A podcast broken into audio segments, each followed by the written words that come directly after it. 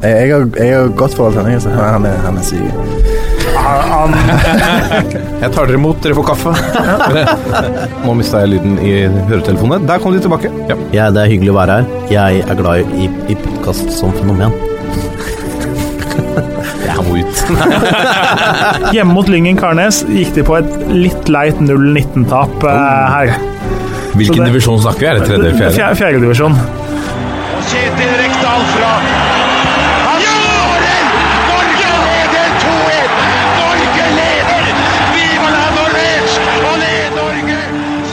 Og der er eh, toppfotball tilbake igjen for andre gang eh, denne uka.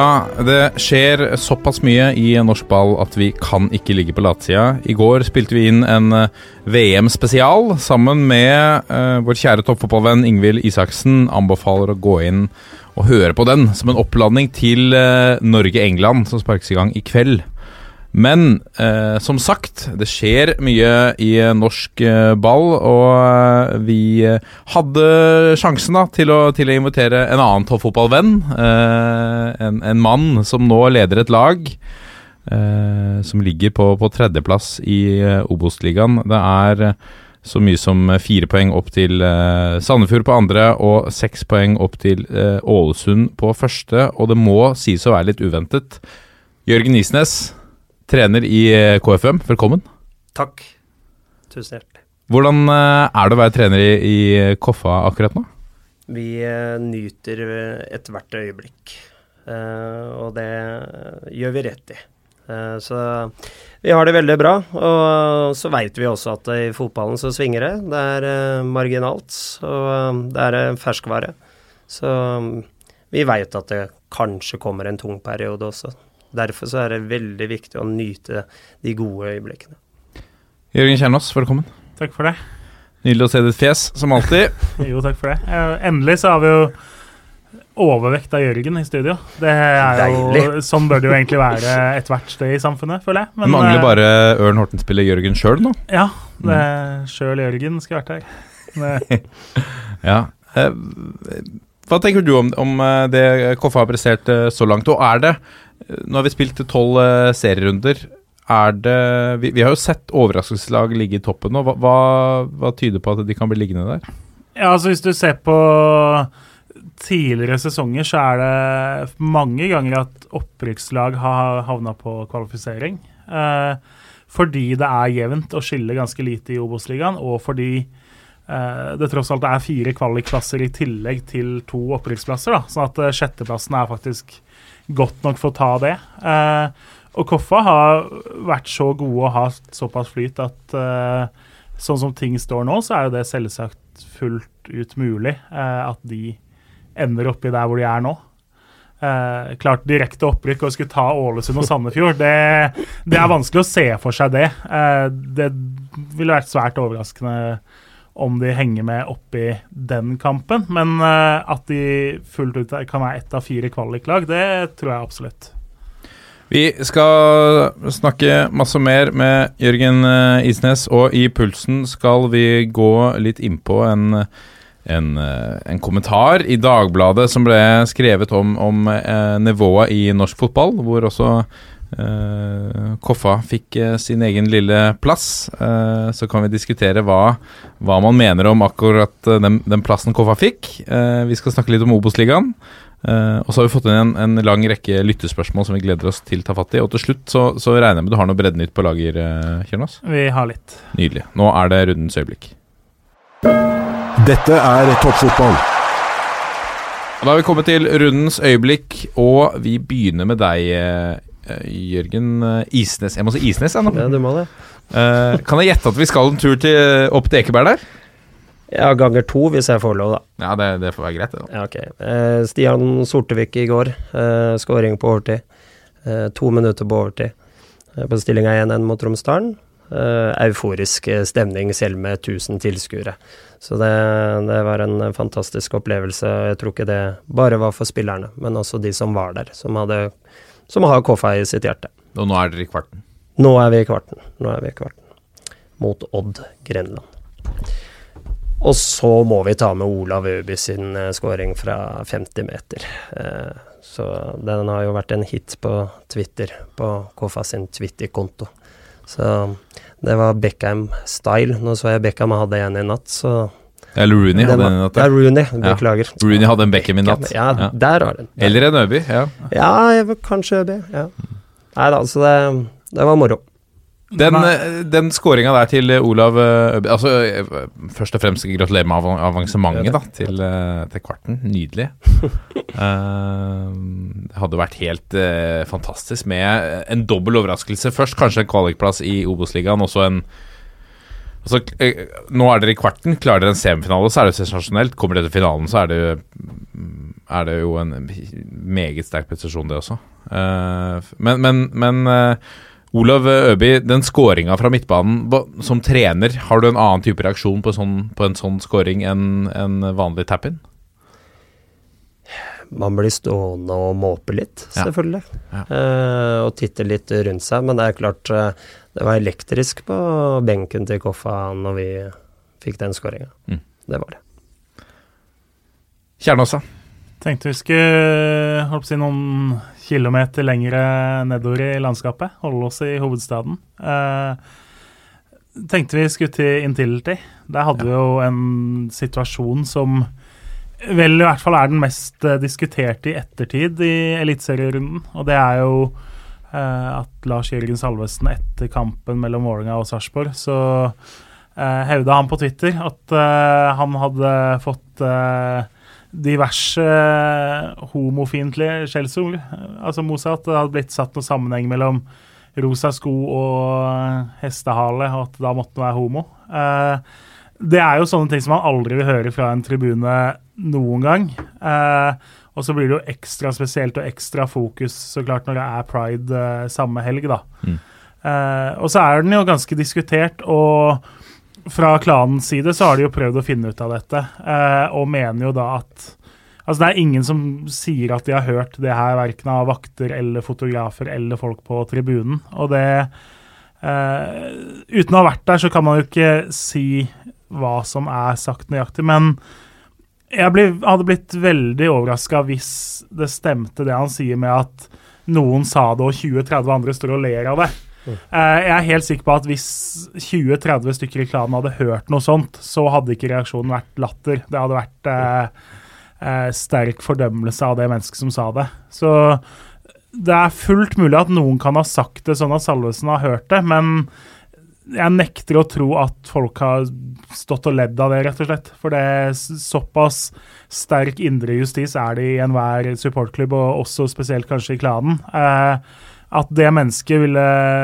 på en meget tydelig måte blitt eh, bedt om å forlate den eh, tribuna, tipper jeg. Mm.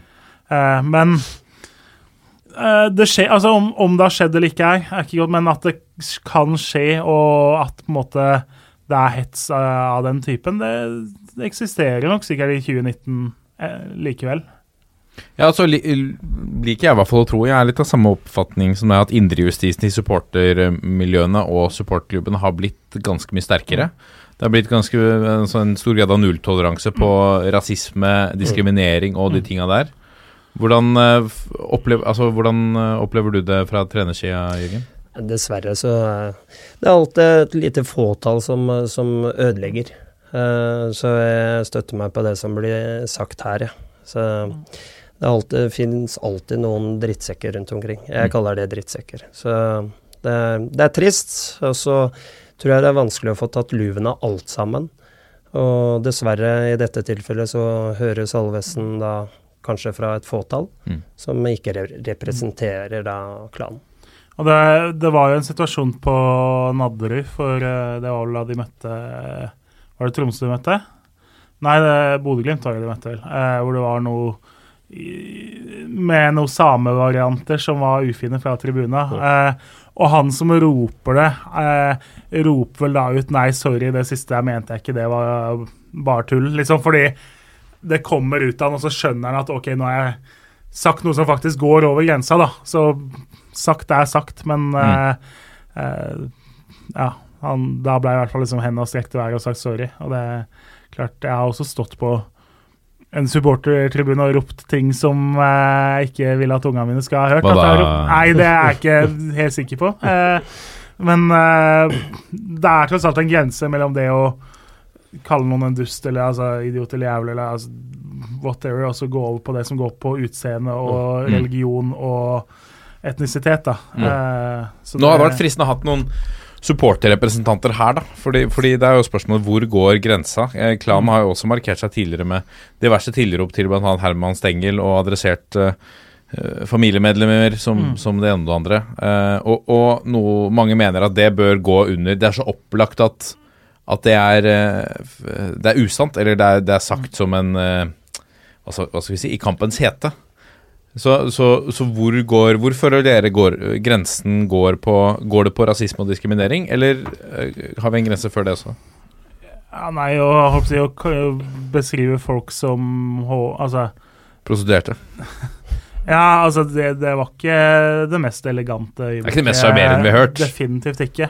Men alle vet jo Eh. at Alle forstår ikke alle at det også er sagt i Altså ikke med 100% seriøsitet. Jo, eh, og så kan jo sånne ting òg bli misforstått, fordi VG hadde vel en sak eh, på Da var det vel fra damefotballen, fra toppserien, hvor det var, det var vel et av disse i Europa på eh, til dom, Etter kampen skal du dø, eller hva det er, det mener jeg var dette. Som jo da, hvis du forstår på en måte klanens sjargong og er litt inni det, så er det sagt åpenbart ikke seriøst. Det står ikke 1000 mennesker og venter på deg og har tenkt å drepe deg etter kampen. Det er sagt på et annet nivå, men hører du kun den uten å forstå hele konteksten, så er det ganske, et ganske brutalt rop, tross alt. Så Det går litt på sosial kompetanse Ja. også. Det gjør jo det. Mm. Uh, jeg har blitt kalt uh, utallige ting på sida, jeg, som trener. Så um, veit jeg at jeg fyrer litt tilbake, men uh, Hvor går grensa di da, Isnes? Nei, uh, jeg banner ekstremt lite, og det er ikke fordi jeg, jeg trener for KFM, men jeg syns at det er mangel på, mangel på ord og begreper uh, når man, når man banner. så så er jeg litt sånn opptatt hvis du skal begynne å gå på utseende og sånn, altså det syns jeg begynner å bli teit, rett og slett. Så det er liksom eh, Ja, også, så jeg, altså jeg tenker jo altså Om du som supporter tyner en spiller for å si en stygg frisyre eller en merkelig tatovering, så er det noe annet enn på en måte den du er født som. Det, Å tyne noe for De tinga du ikke kan noe for, blir noe helt annet for meg, da. Ja, og legning Eh, og Ja, altså. ikke sant? De tinga som du tross alt er født som. Eh, mens har du valgt deg en grusom frisyre eller en tatovering midt i panna, så er det ditt valg. Ja, og stort sett så ler jo spillerne av det også, Ja. ak på akkurat de, de tingene der. Mm. Hvis det er noe spesielt ved en eller annen spiller som ser litt rar ut Hvis du tenker øh, Håkon Sødestjerna, dere husker Mm. han, som Mm. hadde én arm. Mm. Hvis du skulle begynt å eh, latterliggjøre det, da skjønner du at det er på feil planet, altså. Nå drar vi denne diskusjonen eh, Ja, litt lenger enn vi tenkte, men, men eh, jeg tenkte på Håkon eh, Søderstjerne også. Men et annet eksempel som jo på en måte er litt inne på det, for å utfordre deg, da, Jørgen, på, på poenget ditt. Hva med Frank Strandli, da, som gikk under kallenavnet Feite-Frank? Er, er den innafor? Ja, altså Du gjør jo ikke det på T-banen. Eh, Nei, det er det, er, det er ganske få som kommer bort til meg på T-banen og melder det, heldigvis. Eh, men eh, ja, man skjønner det jo, fordi altså, som supporter så er jo jobben din å prøve å sette ut en spiller, da. Mm. Eh, selv om du har visse på en måte et steg over grensa der òg. så det er jo teit å sitte og si ja, selvsagt er det innafor, men jeg skjønner det jo òg. Hvis, hvis du klarer å provosere noen med noe sånt nå, da, så har du jo vunnet, på en måte. Du har skaffa deg det lille overtaket du kan skaffe fra en supportertribune. Ja. Eh, du kan ikke gå ut og skyte ballen i mål, men du kan i hvert fall prøve å sette spissen litt ut av forfatningen. forfatning. da. Jeg husker Erik Holta hadde en nylig reaksjon på det der. Han ble kalt for stuttjukken og, og mye greier. Dro opp eh, skjorta og klas, klaska seg på magen foran mm. motstanderens supportere. Så det handler jo litt om hvordan du tar det også. Ja. Ja, og der er vi forskjellige. Dette er toppfotball. Og da skal vi eh, Altså, dette er jo en toppfotballvenn. Vi har jo uh, hatt uh, Ikke deg, vi har ikke hatt deg i studio før, Jørgen, men jeg var og besøkte deg oppe på Ekeberg, i klubbhuset. Det stemmer. Da hadde vi også Kjell Sverre Hansen-Vold Wold eh, innom. Og da visste jo ikke jeg at du var hans kaptein på, på juniorlaget til Skeid. Ja, Det stemmer. Det var en nydelig episode som ligger i arkivet. Finn det fram. Um, dere ligger på, på, på tredjeplass, som vi har vært inne på, Isnes. Er du, uh, er du overraska? Ikke overraska. Eh, det jeg er overraska over, det er faktisk at vi har vært såpass stabile, altså i prestasjonene. Der vi svingte veldig i fjor, så har vi vært eh, fryktelig stabile. Jeg visste før sesongen at vi kan slå hvem som helst, og sånn er det jo litt i, i, nor i norsk fotball nå. Så um, ikke overraska. Men uh, eneste som overrasker meg, som sagt, det er uh, stabiliteten vår i, i prestasjonene. Du skryter av, eller skryter av, du, du roser egen organisasjon. Mm. Snakker om at, at dere er bygget på en, eh, på en god måte internt med administrasjonen rundt. Mm. Eh, Hva er det, hva er hemmeligheten? Det er ikke noe hemmelighet, men det, det er en sunnhet der. Uh, gjennom veldig mange år. Man har ikke brukt for mye penger, man har brukt de pengene man har. Eh, man har nesten ikke brukt penger, faktisk. Og så har man et veldig godt barne- og ungdomsarbeid. Eh, ikke bare fotball, men eh, det å ut, utdanne og utvikle ledere i egen klubb også. Så her har de gjort veldig mye riktig over veldig mange år.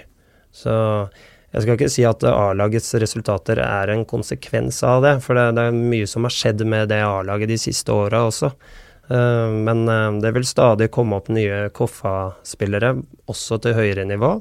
Men eh, man er først og fremst veldig gode på bredden. Hvordan jobber dere annerledes da enn de Jeg tror ikke det er så mye annerledes, altså.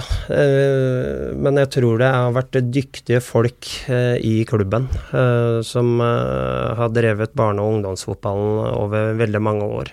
Hvor verdiene har vært at man skal ha det moro, man skal bli sett, og at man skal ha det gøy. Det har liksom vært eh, hovedfokuset. Mm. Eh, og så har dette vært en klubb som har drevet på litt eh, andre områder også. Så de har en Lundeleir som er fantastisk, som er nå på sommerstid. Hvor eh, det er 100 unger eh, ganger tre. For eh, de må arrangere tre, tre ganger. Og det er fantastisk i seg sjøl. Så det, det betyr veldig mye for de Koffa-barna. Og det gjør at det blir på en måte en liten familie oppe på Ekebergsletta der. Kjernas, du kjenner jo Oslo-fotballen godt.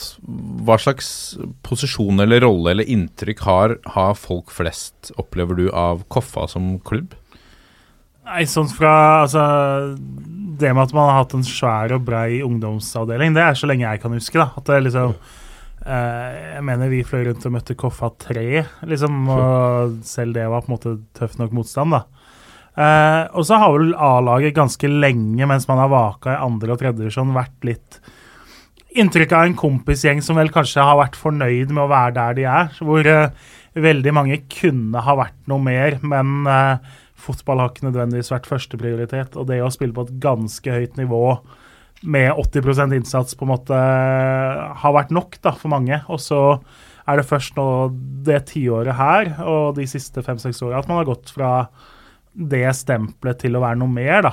Eh, at man på en måte har heva hele seriøsiteten eh, ganske mange prosent, og da gå fra å være eh, det som andre har kalt en, en breddeklubb, og som har vært fornøyd der man er, til at ambisjonene nok er litt høyere, på en måte, at man har tatt grep for å matche ambisjonene, da. Ja, og der kommer jo den nye arenaen inn. altså Det skal hete KFM Familiearena. Nå vet jeg ikke helt navnet, men i utgangspunktet så skal det være det.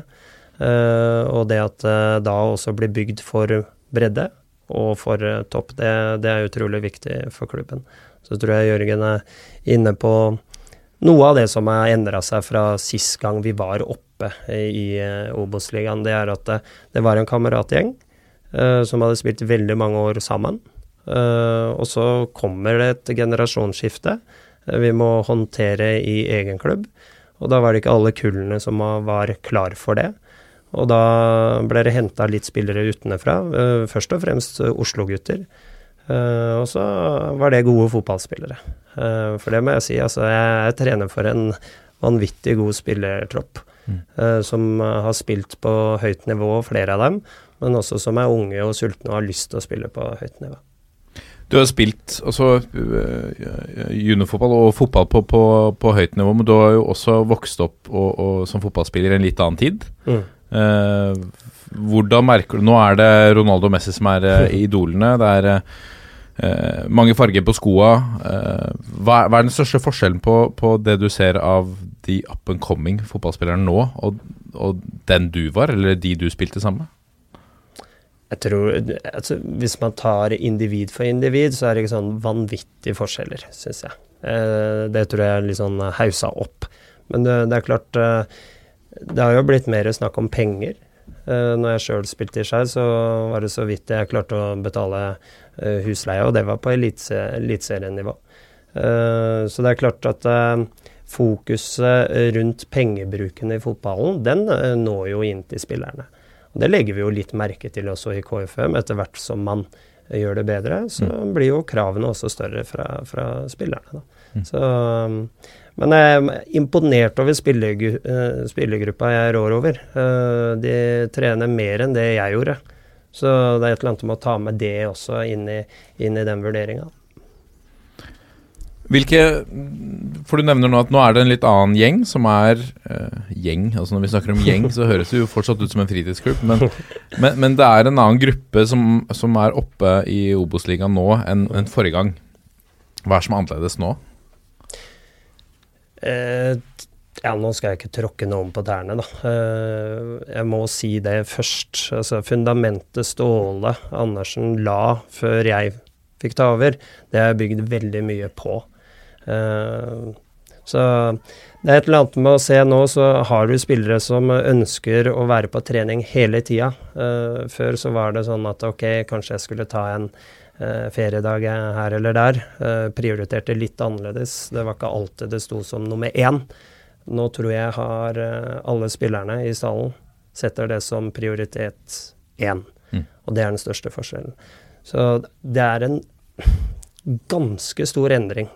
Eh, For de som har eh, fulgt dette, så ser de klart og tydelig at her kommer spillere før trening et kvarter, en halvtime før prepper, gjør seg klar til trening, går ned i styrkerommet etter trening.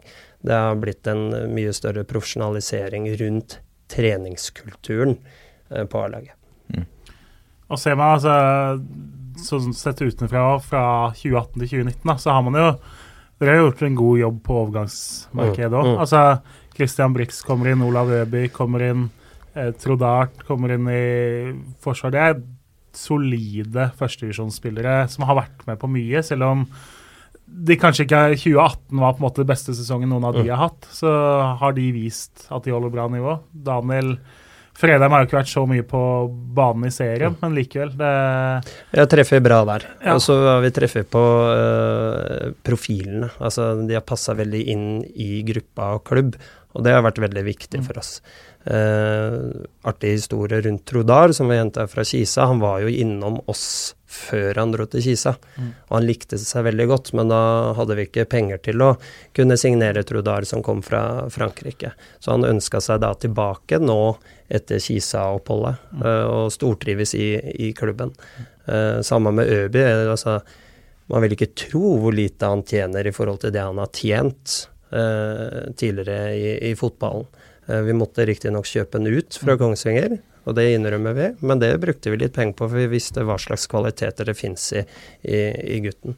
Så vi Fikk dere en scoring fra midtbanen med på kjøpet? Ja, helt nydelig, og 300 likes på Twitter og hele pakka, så det, det Det er julaften. Det har vært litt det også. Ja, det er det. det, er det.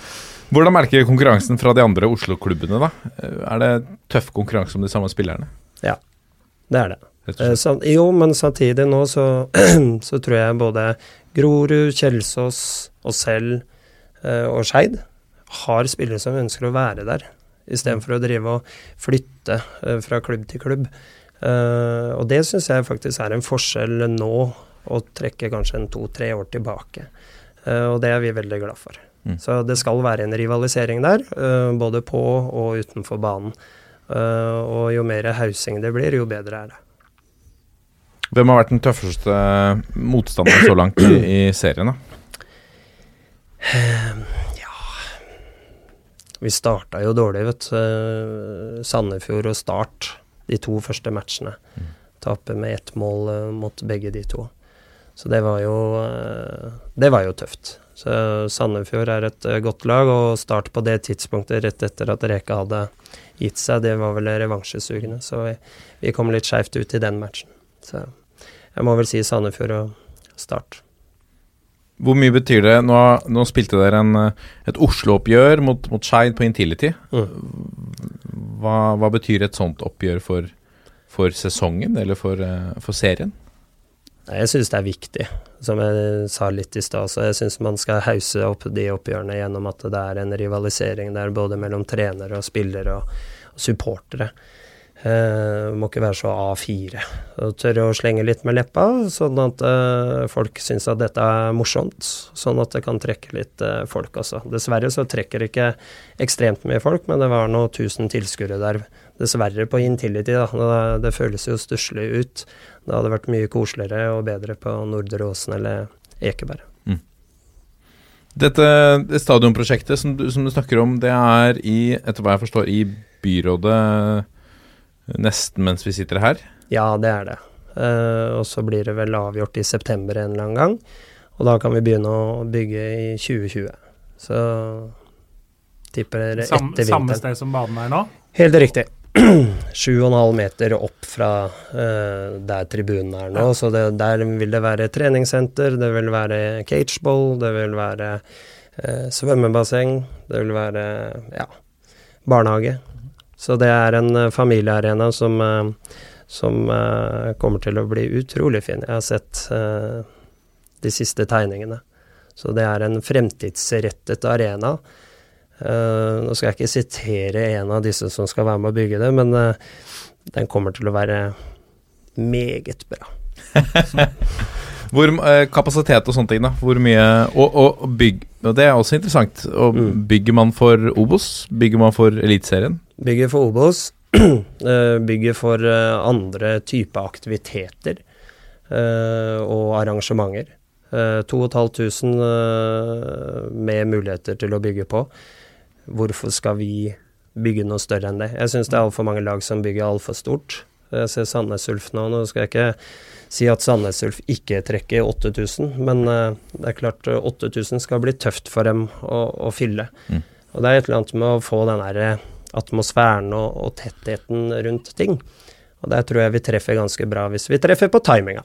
Og så er det noe med, altså Som tilskuer, da, knapphet på billetter. Det gjør faktisk noe med kjøpsviljen. Eh, sånn som Kristiansund, da. Der må du være ganske tidlig ute til eh, de store matcha eller de middels store matcha. Hvis ikke så er det utsolgt. Eh, Brann stadion inntil til der holdt på å kaste sponsorer og andre billetter etter deg omtrent. Så at det, det er kun de aller største oppgjørene hvor du faktisk må stresse for å få sett kampen. da. Eh, så jeg tror altså Kristiansund og Sarpsborg f.eks. de har jo funnet den perfekte. Det er rett over 5000 eh, i Sarpsborg. Hadde de bygd for 12-13, så hadde det, det Jeg tror ikke de hadde hatt flere tilskuere enn de har nå. Kanskje tvert imot, nesten nå.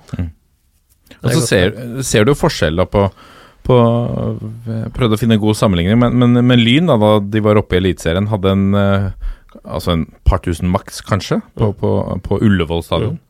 Og så ser du et, et par tusen på Frogner stadion. Der er plutselig folkefest Det er veldig og godt. full kok. Jeg syns jo det er folkefest hver gang vi har et storoppgjør på, på eh, Ekeberg. Mm. For da ser jeg at det er fullt. Mm. Eh, jeg spilte jo for Skeid på Voldsløkka, på Bislett, på Ullevål. Eh, det, jeg storkosa meg på Voldsløkka. Det er eh, 1000 tilskuere der var som at du, føltes følte som det var 15 000 på Ullevål. Så det er Det er synd, eh, det har vi sagt før i denne podkasten, det er synd med Voldsløkka. Det var en nydelig arena med kanskje en grusom matte, mener jeg husker.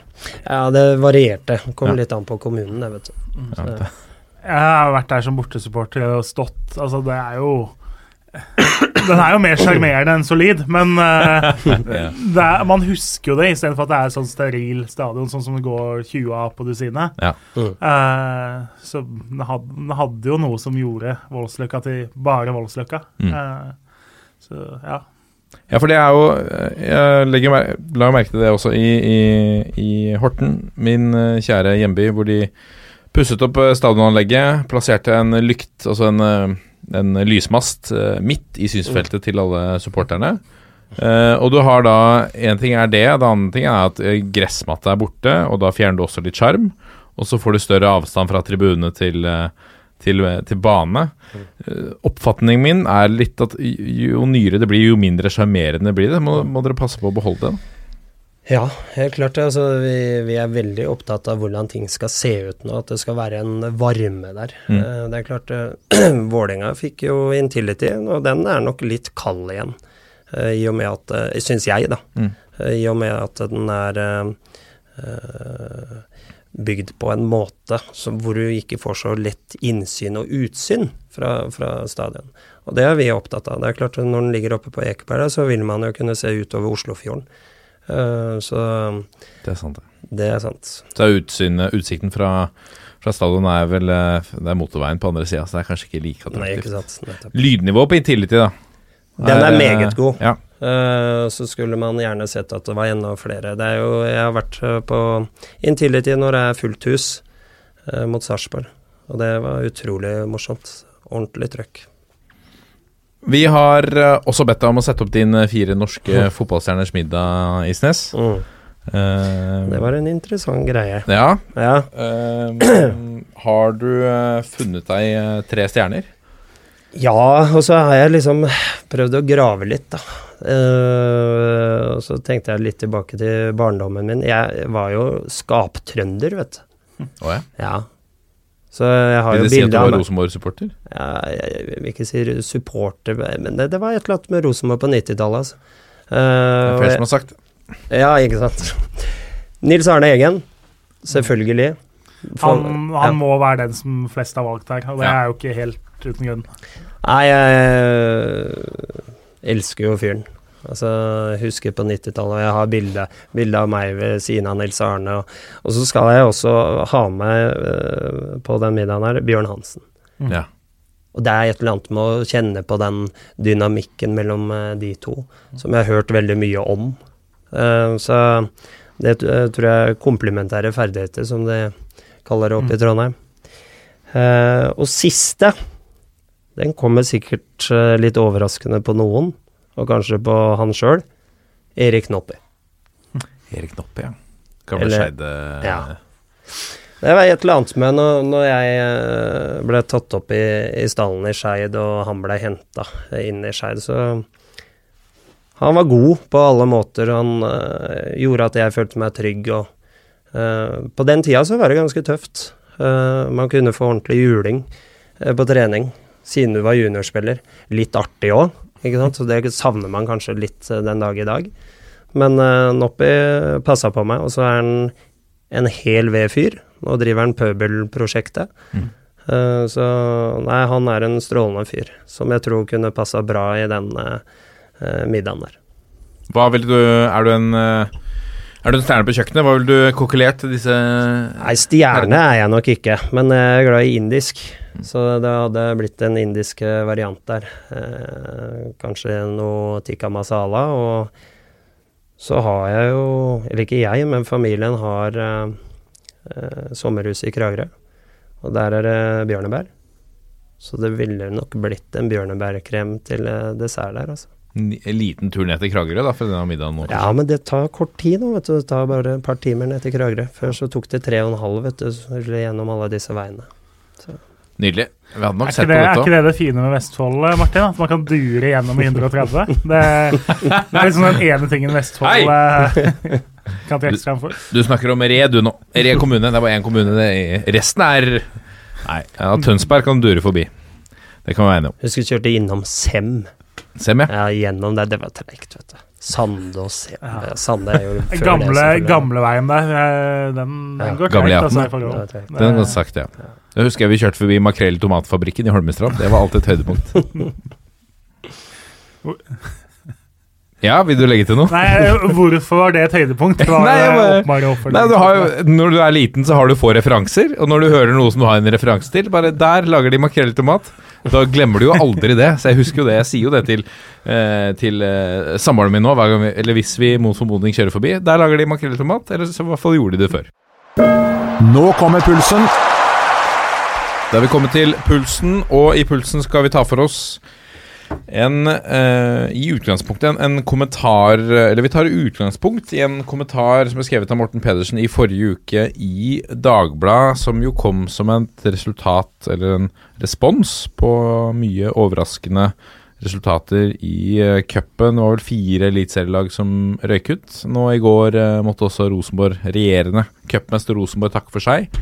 Uh, jeg kan jo sitere Det er jo interessant å snakke med deg om det, uh, Isnes, fordi, uh, fordi Koffa her blir jo blir jo viet et, et, avsnitt som du også reagerte litt på. Men jeg kan jo begynne med å sitere kommentaren litt. Skal vi snakke ut fra det?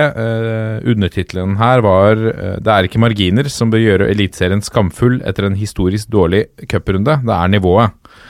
Litt lenger ned i artikkelen så leser vi eh, Koffa er breddeklubben fra Norway Cup-landskapet Ekeberg, som for andre gang i klubbens historie er tvunget til å oppføre seg som en toppklubb.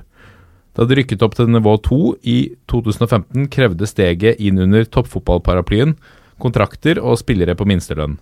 Det samme er tilfellet i år, men forskjellen på da og nå er at KFUM selv, om de ikke ønsker å være noe annet enn det de alltid har vært, en organisasjon som holder troen og Guds ord høyt over alle resultater, er per, da, per dags dato nummer fire i Obos-ligaen. Etter elleve serierunder er de tre poeng unna direkte opprykk. Det er selvfølgelig hyggelig for KFUM, men det er krise for norsk toppfotball. Rykker de opp, hvilket de fort kan klare, vil det være svarte natta. Det er lystig. Det er lystig. Uh, Isnes, hva, hva, hva var din første reaksjon da du leste det? Nei, jeg biter jo meg merke i med en gang eh, KFM er beskrevet der. Altså hvordan det er beskrevet. Uh, Pedersen treffer jo på hvordan man kanskje så for seg KFM i, i 2015-sesongen, og når man rykka opp. Men uh, det er noen år siden, og klubben har valgt en retning som er inn mot toppfotballen og inn mot ny, ny arena. Og da er det um, ting som har skjedd i klubben som, uh, som han ikke beskriver i det hele tatt. Uh, samtidig så beskriver han uh, da troen og Guds ord som er høyere over alle res resultater, og det Ja, jeg vet ikke hva jeg skal si til det, men uh, det, det stemmer i hvert fall ikke. Det er selvfølgelig enkeltindivider i klubb som helt sikkert gjør det, og det er det respekt for. Så jeg syns det er lite respektfullt av, eh, av, Pedersen å komme med en sånn, sånn kommentar. Litt uh, kunnskapsløst? Ja, det syns jeg. også er dårlig journalistikk å ikke gjøre en bedre research enn det der.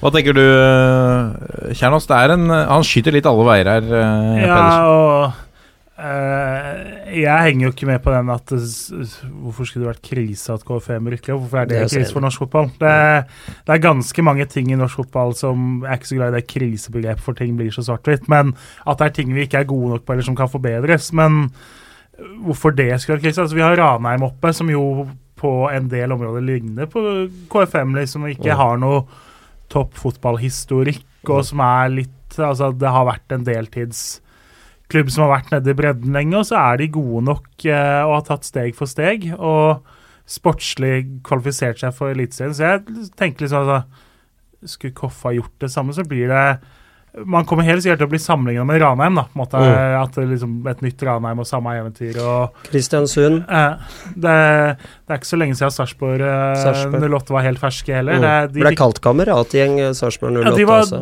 deltidsspillere og fikk juling ja, ja. Eh, første sesongen i Eliteserien. Ja. Gikk ned, holdt på å rykke ned til annendiv, og så er de nå da gruppespill i Europa ti år seinere. Så mm. eh, det er klart, altså med 16 lag Uh, I Eliteserien så er det fortsatt rom for mindre klubber, da, så lenge mm. man gjør en god jobb over sesong, flere sesonger og bygger stein på stein. Uh, så syns jeg man kan uh, heller hylle nivået nedover i divisjonssystemet. Mm. Altså, det er noe som har utvikla seg der etter, etter omlegginga av Andersson, selv om det er veldig mange som var uenig i det også. Mm. Så har jo det, eller Post Nord-ligaen, så har jo det blitt veldig godt nivå på som alle syns er morsomt. Mm. Og det samme med Obos-ligaen. Uh, og tredjedivisjon er nå også forsterka, så skal vi ikke ta den debatten nå, da. Men jeg tror det Vi trener nesten like mye altså, uh, i KFM som, som eliteseriespillerne. Uh, og da er det heller kanskje viktig å peke litt på er det noe eliteserieklubbene kanskje kan gjøre. Mm. Litt annerledes. Uh, nå skal ikke jeg gå inn og, og slakte hva de holder på med, men det er klart Skal det være noe forskjell på en heltidsspiller i Norge eh, kontra eh, i utlandet? Hvorfor skal det være en forskjell? Det er jo tross alt det du lever av. Eh, går det an å trene mer? Ikke for å bli alltid be bedre fysisk trent, men det er mange andre ting du kan trene på å gjøre. Så jeg, jeg tror man heller eh, Vinklinga her ville jeg vridd på å hylle heller nivået nedover i divisjonssystemet og peke litt på hva er det vi kan gjøre annerledes. Det er altfor mye krisemaksimering i, i norsk fotball, om man prater ned eget produkt. Og det, det er jeg ikke interessert i å være med på. Og altså, cupbomber har man hatt så lenge, altså så lenge cup har eksistert. Mm. Eh, det tar ikke veldig lang tid å finne tidligere sesonger i NM eller i FA-cupen eller for den saks skyld i Champions League, hvor det er sjokkerende resultater. EM. Ja, ikke sant, altså Over 90 minutter, eller 180 som det er i Champions League, da, Mm. så spiller tilfeldigheter en mye større rolle enn det gjør over 30 kamper i serien. Eh, og det er jo noe av det nydelige med cup. Mm. KFM har ikke sjans til å matche Odd over 30 kamper, sannsynligvis, men over 90 minutter. Eh, så, er, så lever tilfeldighetene og spiller, de spiller en så stor rolle. Uh, og det å ha dagen, da, som jo også er en del av det. Eh, Så KFM har muligheter. Ålesund har mulighet til å knuse Molde og slå ut Rosenborg. Mm. Men de hadde ikke hatt mulighet sannsynligvis over 30 kamper i år, uansett hvor Nei, mye altså- som er feil i Trondheim, da. Så ser jeg det blir kommentert, ikke Ja. sant. Sandefjord som slår ut Odd på straffer. Eh, Hvor var Sandefjord i fjor? De var i Eliteserien. Mm. Og, og hvordan så tallene til Sandefjord ute i Eliteserien etter ny trener kom inn? Det var ganske bra. Og så blir Jeg syns det blir historieløst å komme med den kommentaren Morten Pedersen eh, kom med. Og så ser vi jo de samme mekanismene når eh, Skal vi ikke ta reservelagsdiskusjonen, men, men vi ser jo når eh, en rekke seniorspillere blir flyttet ned og, og skal spille på et andrelag som ligger i, i, uh, i tredjedivisjon, uh, fjerdedivisjon, så er det mange motstandere som håper at de møter mye eliteseriespillere, fordi at nivået, eh, nivåforskjellen er ikke så stor lenger. Mm. Men hvis motivasjonen senkes et lite hakk, Mm. så er det mye bedre å spille med en toppmotivert juniorspiller og, og, og det er mye vanskeligere å møte en, en toppmotivert juniorspiller enn en eliteseriespiller som er litt Altså ikke hiver seg inn dueller i frykt for, for å bli skada osv. Så, videre. så hvis, det er jo ikke noe nytt, disse mekanismene er jo ikke noe nytt. Når du får 90 minutter servert, du har ikke noe press. Du har hele, som oftest hele stadionet i ryggen. Mm. Det er en folkefest. Mm. De bærer deg videre. Motstanderlaget har alt press. Eh, det er jo du, du trenger ikke være psykolog for å skjønne at det har en effekt. Du ser hvilke lag som var igjen i den engelske cupen, ikke sant. Mm. Så det er, jo- det er ikke de beste laga alltid som er igjen der. Nei. Så det er, du var jo litt innpå det, Jørgen. Så det er liksom eh, Nei, det er jo sjarmen med cupen. Og jeg tror eh, igjen at den krisemaksimeringa av norsk fotball og sånn, og praten i eget produkt, det må det bli en slutt på. Så Mm. for heller liksom Hvor er det skoen trykker? Hvor er det vi faktisk kan eh, ta i et ekstra tak, da. For det er, det er lite som skiller en Post Nord-ligaklubb og treningsmengde eh, til, eh, til Eliteserien, altså. Altså, hvis, Vi skal sju år tilbake, da, for da vant Hødd cupen. Hødd berga vel plassen på målforskjell, hvis jeg husker riktig, i førstedivisjon samme sesong. Eh, var det en krise for norsk fotball? Liksom, at det, nei, det var et lag som hadde mye spillere på vei opp og fram, og som da evna å få ut eh, 100% i cupkamper og hadde flyt der. Og møtte lag som kanskje ikke var helt holdt på å si, 100% på de kampdagene. Så? Det er det deilige med cupen, syns jeg, da. Eh, og nei, eh, å bli overraska over at et godt annendivisjonslag slår et halvmotivert bunnlag i Eliteserien som rullerer på halve laget, det Vi er forbi den tida at det er en sensasjon, egentlig. Det, ja. Men der støtter jeg, jeg har lyst til å henge meg litt på det, det du sier, eh, Isnes, om, om kanskje å snu litt på det og se hva kan vi, hva kan vi lære av de klubbene som, som gjør det bra, hvor de som faktisk er tvunget til å snu på alle steiner Mm. og bygge ting fra scratch uten, uten en rik onkel, og se ok, hva, hva er det vi må gjøre her for å prestere mest mulig? Hva må vi gjøre av de tingene som ikke koster noe? Hvordan skal vi gjøre det? Eh, vi ser det med, med Sarpsborg nå, som har bygget klubben Vi kan ikke si de er bygget fra scratch, men altså på ti år etter eh, Elleve år etter sammenslåinga, så har det altså skapt et, et, eh, en klubb som, som hører hjemme i norsk eh, toppfotball, i sterk konkurranse med en, en by og en fotballklubb som eh, som kanskje hører mer hjemme Mm. i utgangspunktet i Fredrikstad, så har de mot eh, mange odds eh, klart det, og, og bygget opp bygget stein for stein, og er nå på en måte selvforsynt med midler eh, og kan videreutvikle og ta nye steg. Og så er det nøkternhet i, i måten de gjør det på. Ranheim, det samme. Hva kan, hva kan man lære av den klubben da, som har bygget stein for stein her? Sånne småting som Frank Lidahl, en, en sportsdirektør som er morsom på Twitter, som går ut og byr på seg sjæl, som, som gir klubben et ansikt, som, gir, som eh, blir en forlengelse av den sjarmen som Ranheim kanskje ønsker å skape. Istedenfor så ser vi andre klubber som, som sliter voldsomt med kommunikasjonen, og som jo gjør, at, gjør det mye vanskelig. Vi ser både Rosenborg og Molde eh, f.eks. kunne kommet ganske mye bedre ut av de, eh, den stormen som de har vært i i, i, eh, i år og i fjor, hvis man hadde kommunisert litt annerledes, f.eks. Mm. Um, nei, det er en eh, Det er en interessant Det har nesten vært en egen episode. Dette er toppfotball. Og så har vi fått inn en rekke lyttespørsmål til deg, Isnes. Eh, Vi begynner med Ingar Bergeland, som lurer på hvilken fotballfilosofi, eh, skråstrek, spillestil står han for, og hvordan jobber han med enkeltspillere? Eh, her er det mange spørsmål igjen, men hvordan er en typisk treningsuke? Hvor mye tilpasser motstander?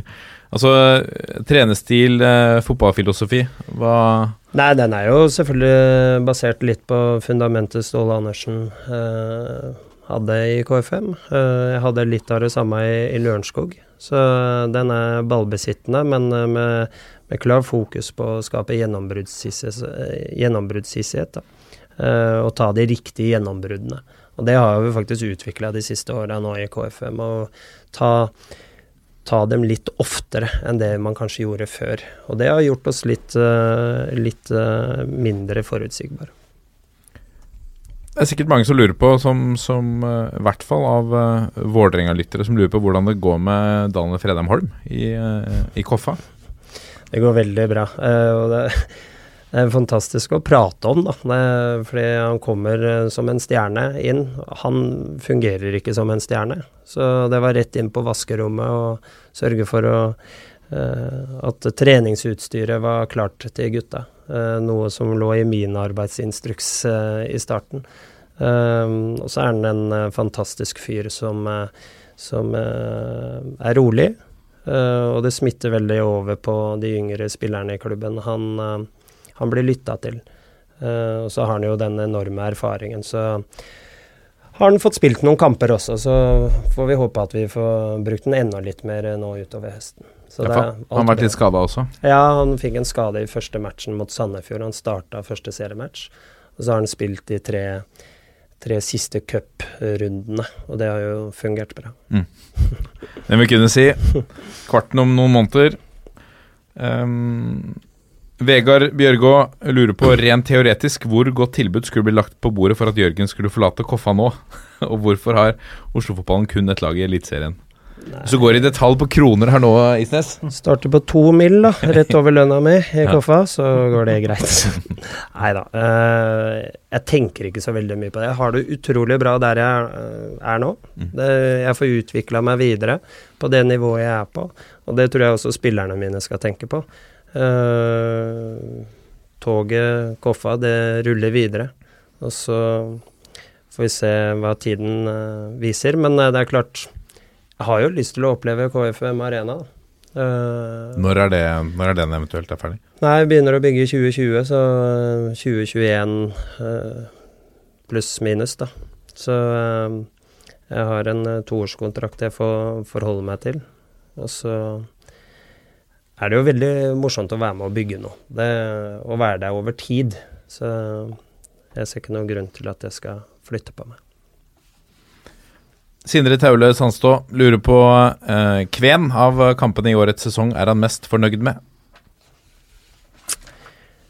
Jeg syns vi tar en utrolig sterk borteseier mot Sandnes Ulf.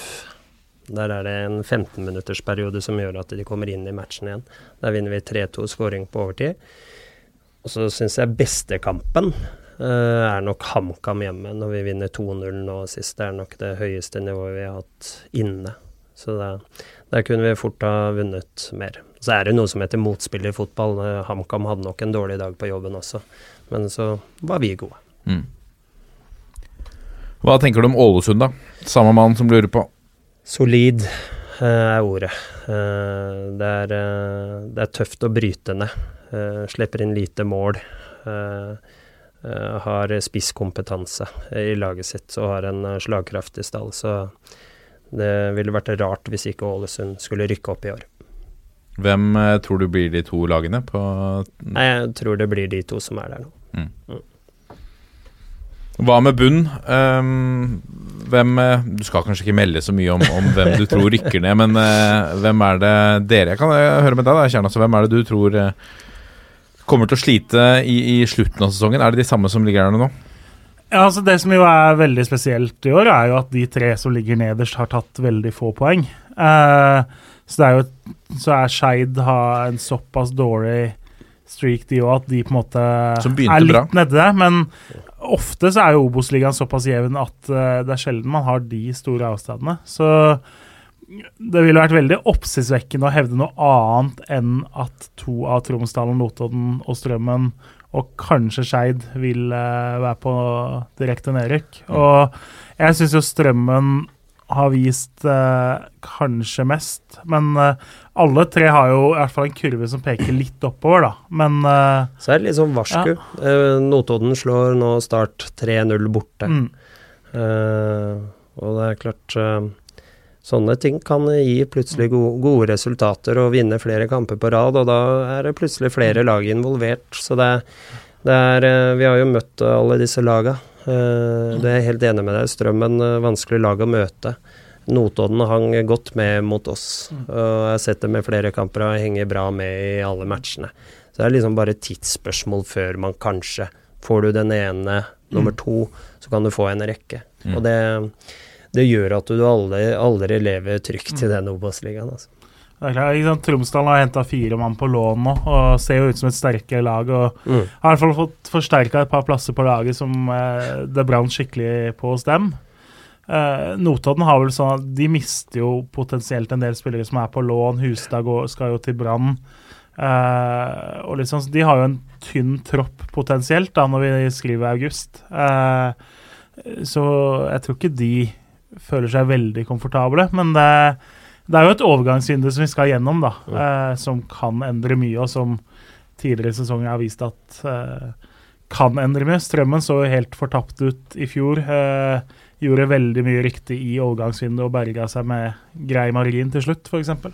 Da hadde de ringreven eh, Espen Olsen eh, Ja, på, til å hente disse spillerne. Men eh, Ole Martin Nesselquist er en luring, han også, selv om han er ung. Så det, det kan skje noe der, ja. Ja, Apropos, vi kan jo ta med et uh, spørsmål til her fra nettopp Ole Martin Esselquist, som uh, lurer på hvordan du vil rangere trenerne i Obos fra 1 til 16, og hvorfor har han seg selv som nummer 1? Det var rart han skrev hvorfor har han seg selv Mener han seg selv da, eller? Nei, men det er jo deg, da. Ja, Han regner med Jeg at du- mener Nesselquist, altså. Ah, ja, okay. Han hadde tross alt stått på podiet og tatt imot årets unge trener på cupfinaleseminar og sånn, så eh, Nei, jeg tror vi ikke skal begynne å rangere noen trenere her, men eh, det er utrolig morsomt å stå på sida i Obos-ligaen. For meg så er det litt stort. Du står der mot eh, legender som har vært i fotballen i mange år, og så står du der også mot noen eh, ferske. Så jeg syns det er utrolig morsomt å stå og krangle litt med Tom Nordli. Det, det, det er sånn det er. Nei, altså det er jo som du sier, det er jo veldig sånn Ikke broket forsamling, men veldig forskjell på? Tom Nordli og Lars Bohin har vært Mm. med på veldig mye. Mm, Arne Sandstø. Og så kommer det en ny generasjon med Mm. Steffen Landro og Nesselquist som knapt har fylt 30. Mm. Eh, han Gam Simba i Kongsvinger, Mm. i første trenerjobben, eller hovedtrenerjobben hans. Mm. Så eh, det er vel nesten overraskende mange unge trenere og som har beskjedne spillekarrierer i tillegg, da. Så tenker jeg det skal være rom for det i Obos-ligaen. Mm. Akkurat, akkurat så på lik linje som at unge fotballspillere skal få slippe til på det nivået. Så, så er det viktig å slippe til unge Mm. trenere også som, som har ambisjoner, og som er dyktige, selvfølgelig. For det, du må ha faglig kompetanse for å holde på på det nivået. Shanten lurer på eh, hva som er drømmemotstander i neste års Europaligakvalik. Stor klubb med mye blest eller liten klubb overkommelig sportslig motstand? Det har dere tenkt på. Veldig. Veldig. Nei, så lenge vi får fylt Ekebergsletta, så er det greit. Eh, ta med et spørsmål fra Hogner. Eh, aktiv i eh, Lillestrøms eh, eminente podkast eh, Harde mottak.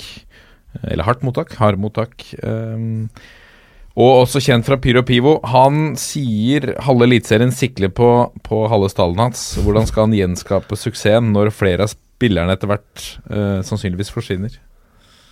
Han sitter også inne med informasjon om at uh, Ja, du, hører- du er en halv stall i høst. Jeg vet ikke hvilken informasjon, eh, hvor han har fått den informasjonen fra, da. Men uh, nei, hvis det er lag som ønsker spillerne våre, så, så er det hyggelig. Det er, et, det er et tegn på at vi har gjort noe riktig, både som klubb og, og, og spillergruppe. Jeg må igjen få hylle spillergruppa. Det, det er mange gode, og de pusher hverandre i hverdagen, og sånn må de fortsette med, om ikke hardere. Men det er klart eh, Kommer det rette budet, så, så må vi jo vurdere. Vi ønsker å sende spillere til høyere nivå. Eh, men vi kan ikke sende halve stallen, og det tror jeg ikke kommer til å skje heller. Men eh, hvis det er en eller annen som tar neste steg, så kan vi klappe oss sjøl på skulderen. Og det kan spilleren også. Så, men det må være et riktig bud, selvfølgelig. Men er det sånn at dere har budsjettert med at dere må, må selge det? Nei, det ligger ikke inne i noe budsjett. Men uh, vi ønsker å være en klubb som utvikler spillere som kan ta et nytt steg. Vi ønsker å være en Obos-ligaklubb, og hvis det er en eli eliteserieklubb da som kommer på banen, så, så, så må det selvfølgelig vurderes. Både uh, i form av kroner inn til oss og, og spillerens utvikling. Eurosport-kommentator og toppfotballvenn Amund eh, Lutnes. Bra fyr, vet du. Bra fin, fin fyr. Lurer på hvor god er Stian Stortvik? Han er god. Han kunne spilt uh, eliteserie. Uh, han Ikke si det så høyt nå. Nei da, men uh, jeg tipper han blir oppe på Ekeberg. jeg. Så, men uh, nei, han er Han er viktig for oss. Og så har vi jo sett, når Stian ikke spiller, så har vi jo hatt andre som har gått inn og tatt hans posisjon godt. Men for meg så er han akkurat nå kapteinen med stor K. Eh, og det er ikke bare fotballspilleren. Nå syns jeg Stian har blitt voksen også.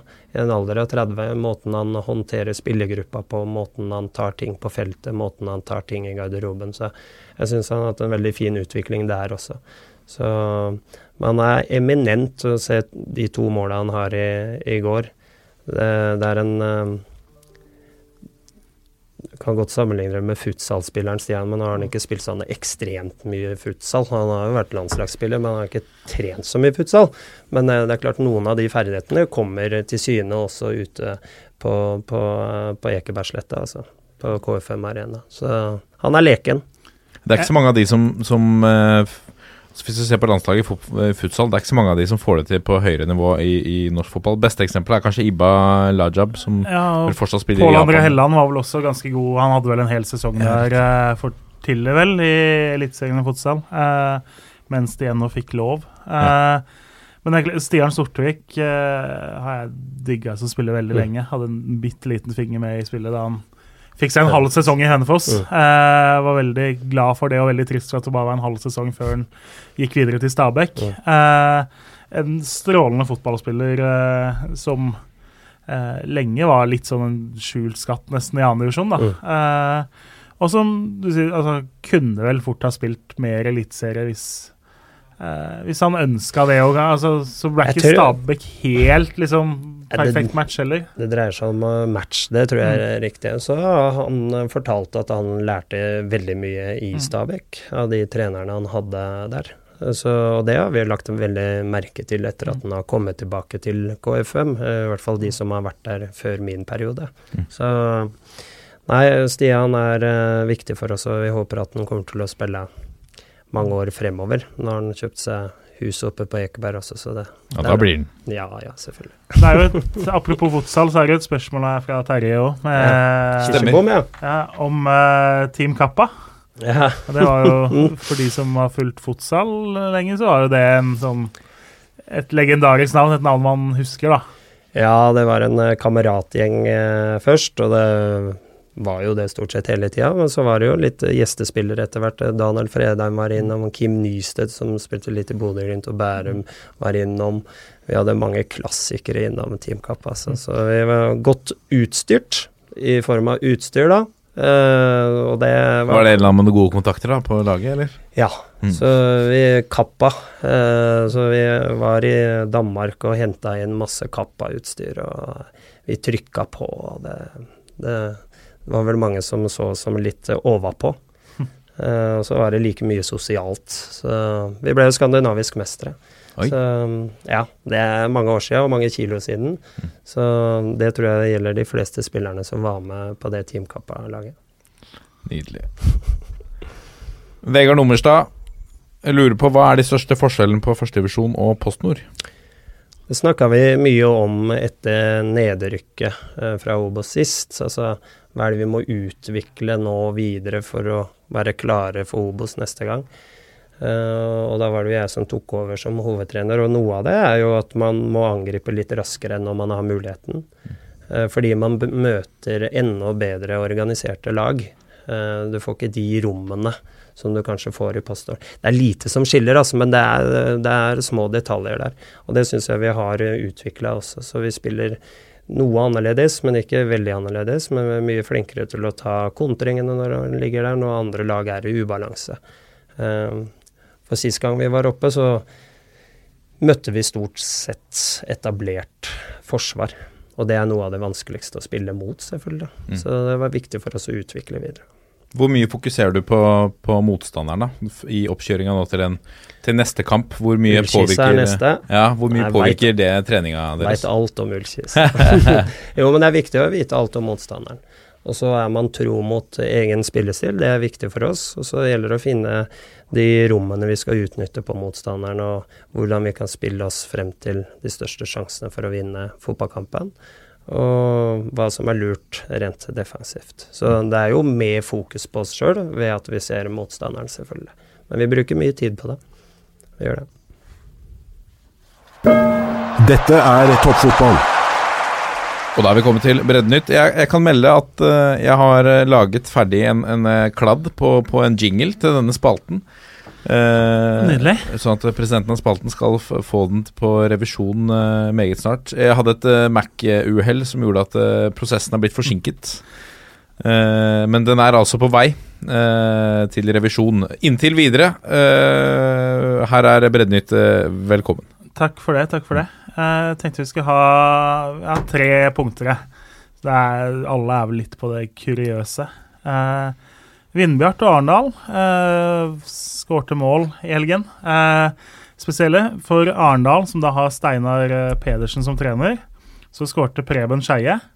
Eh, han skårte to mål mot Nardo. Eh, Preben Skeie er sønn av Vind Vindbjart-trener Steinar Skeie, som da har eh, fått tilbake Emil Pedersen i sitt lag. Som da altså er sønn av Steinar Pedersen. Det er Eh, og han skårte da for Vindbjart i helgen. Så trenersønnene skårte da sånn på tvers liksom for hvert sitt uh, lag. Så Men var det han sønnen som var i Frigg? ja, han uh, tror jeg da har flytta tilbake.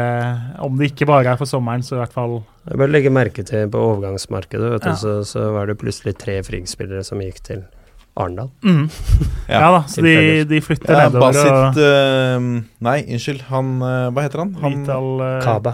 Kaba. Ja, det var det. Ja. Sharif Shah Curtis Kaba. Ja. og han stopperen. Ilir. som- Ja, så det var tre ja. stykker som uh, ble dratt med av Pedersen junior, kanskje? Ja, det er jo kan jo hende. Jeg tipper jo at han har tatt noen telefoner til Ja, som og hørt om dem. Så- Eh, Men vi, hvordan går det med Vital uh, Kaba? Nå har jeg vært litt inn og ut av laget. Eh, alle av dem har liksom eh, vært litt sånn Fått kjenne på benken nå, da. Så han har ikke blomstra i andredivisjon ennå. Eh, Arendal har begynt å blomstre litt mer. Eh, Bytta veldig mye på laget. Og de har jo en god og brei tropp. Og så har de måttet finne den beste elveren og beste formasjonen. eh, og sett litt mer ut som seg selv nå, da. Eller som det man venta av dem, da, etter en ganske dårlig start. Mm. Eh, så de, de er definitivt en kandidat i toppen nå, eh, selv om Fredrikstad og Stjørdalsblink har sett solide ut. Mm. Så har vi to saker hvor vi skal helt opp til toppen av Hedmark. Først Engerdal-Trysil. Eh, Engerdal er jo et sted hvor man tenker altså det bor jo omtrent ikke mennesker der. Eh, bor, jeg tror det bor rundt 1500 i kommunene. Men eh, de har nå en gang et lag i fjerdedivisjon. Uh, møtte da Trysil FK til uh, Det var vel fredagsmatch her. Uh, en helt ellevill kamp. Altså, jeg satt og så på litt. Jeg har ikke noe bedre å finne på på en fredag kveld. Så, men altså, det var rundt 700 mann på uh, kampen, så altså halve kommunen var på kamp, da. Eh, det var bluss, og det var support, altså synging, og det var liksom skikkelig sånn første runde i cupen-stemning. møtte jo da Trysil, som har henta veldig mange fra Nybergsund, veldig mange av utlendinger som, som er liksom fått det kjøpelagstempelet, eh, og som er laget du vil slå, da. Eh, og det var en helt syk kamp. Vi kan bare sitere overskriften til Østlendingen. To lagledere utvist, rødt kort, sjølmål, straffemiss og poengdeling. Lokalderby som hadde alt.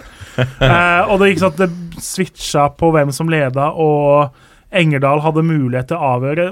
Setter straffa rett på keeper, og så da skal sette returen fra to meter, men skyter da utafor. Liksom Du hører hele tribuna liksom Nei! Og, altså, det, det Hvis du har mulighet til å se høydepunktene hos Østlendingen, så anbefales det. For det eh, det, er, det, kan neppe ha vært spilt veldig mange kulere fjerdedivisjonskamper så langt i år, da. Eh, tredje og siste, da skal vi til Alvdal. Eh, hvor da De har jo rota seg ned i femtedivisjon. Martin Rosmæl Kløvestad.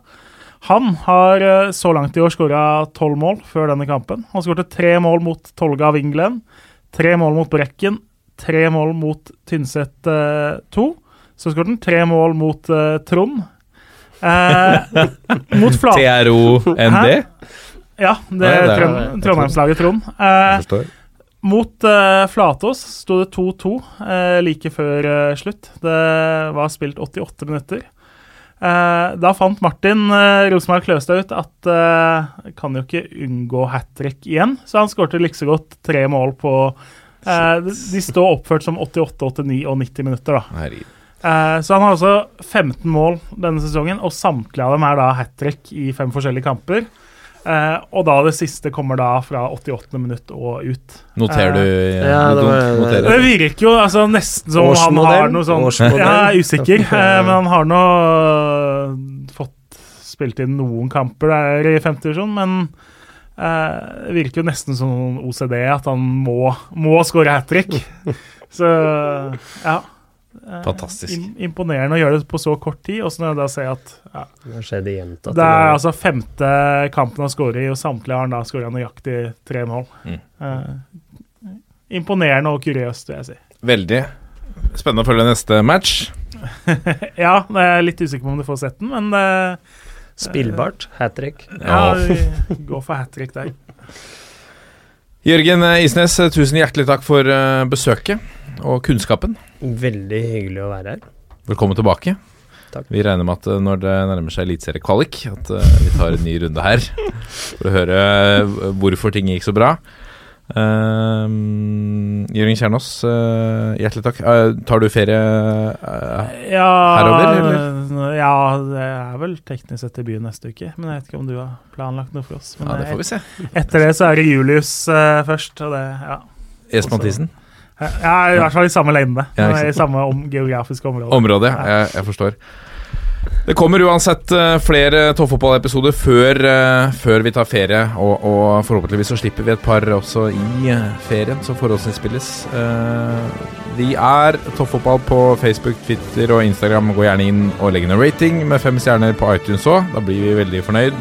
Eller send en mail til toppfotball at 451.no så må vi avslutte på sedvanlig vis på 1, 2, 3. Vi er, vi er en gjeng! Ha det! Og Isnes var med. Ja.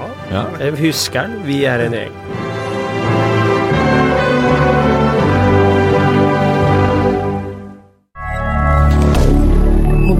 milliardaire